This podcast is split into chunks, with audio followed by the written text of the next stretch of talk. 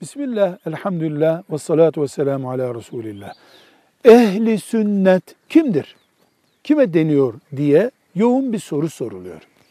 Aslında bu kavram, ehli sünnet kavramı, haricilik, mutezililik, kaderilik gibi sapık fırkalardan olmayanlar, yani ashab-ı kiramın ekolünü devam ettirenler anlamına kullanılmıştır. Birisi mutezile değildir demek için ehli sünnettir denmişti. Kaderiye, harici fırkasından değil anlamında kullanılmıştır. Şimdi ise yani ashab-ı kiramın izini sürmeye çalışan bu sapık fırkalardan herhangi birinden sadece mutezile, kaderiye, hariciye gibi değil herhangi bir fırkadan olmayan anlamına kullanılıyor.